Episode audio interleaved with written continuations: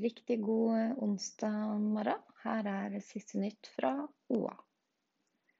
To personbiler med totalt seks personer var involvert i en trafikkulykke langs Slettaveggen i Østre Toten tirsdag kveld.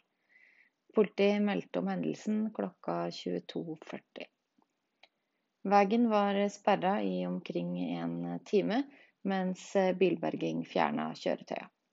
Rundt midnatt meldte politiet at trafikken gikk som normalt. En person ble kjørt til legevakt for sjekk av smerter i en fot.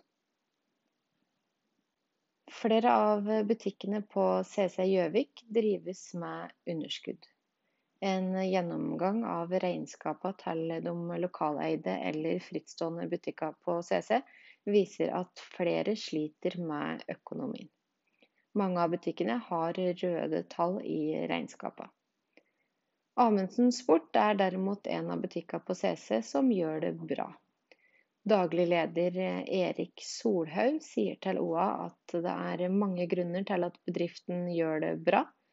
Han eh, trekker fram at de er en etablert familiebedrift på Gjøvik, og at det er en fordel å være på CC.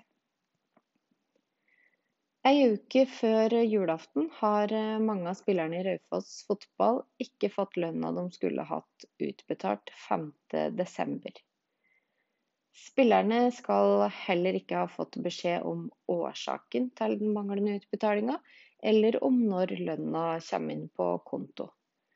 Kaptein Ole Kristian Lauvli sier til OA at eh, spillerne fikk beskjed om at situasjonen var vanskelig for klubben denne måneden, men at de ikke har hørt noe etter det. Han mener det ikke er heldig at eh, lønna ikke kommer når den skal, særlig i julemåneden desember. Og det var eh, siste nytt med OA. Mitt navn er Lisa Granberg. Ha en strålende onsdag.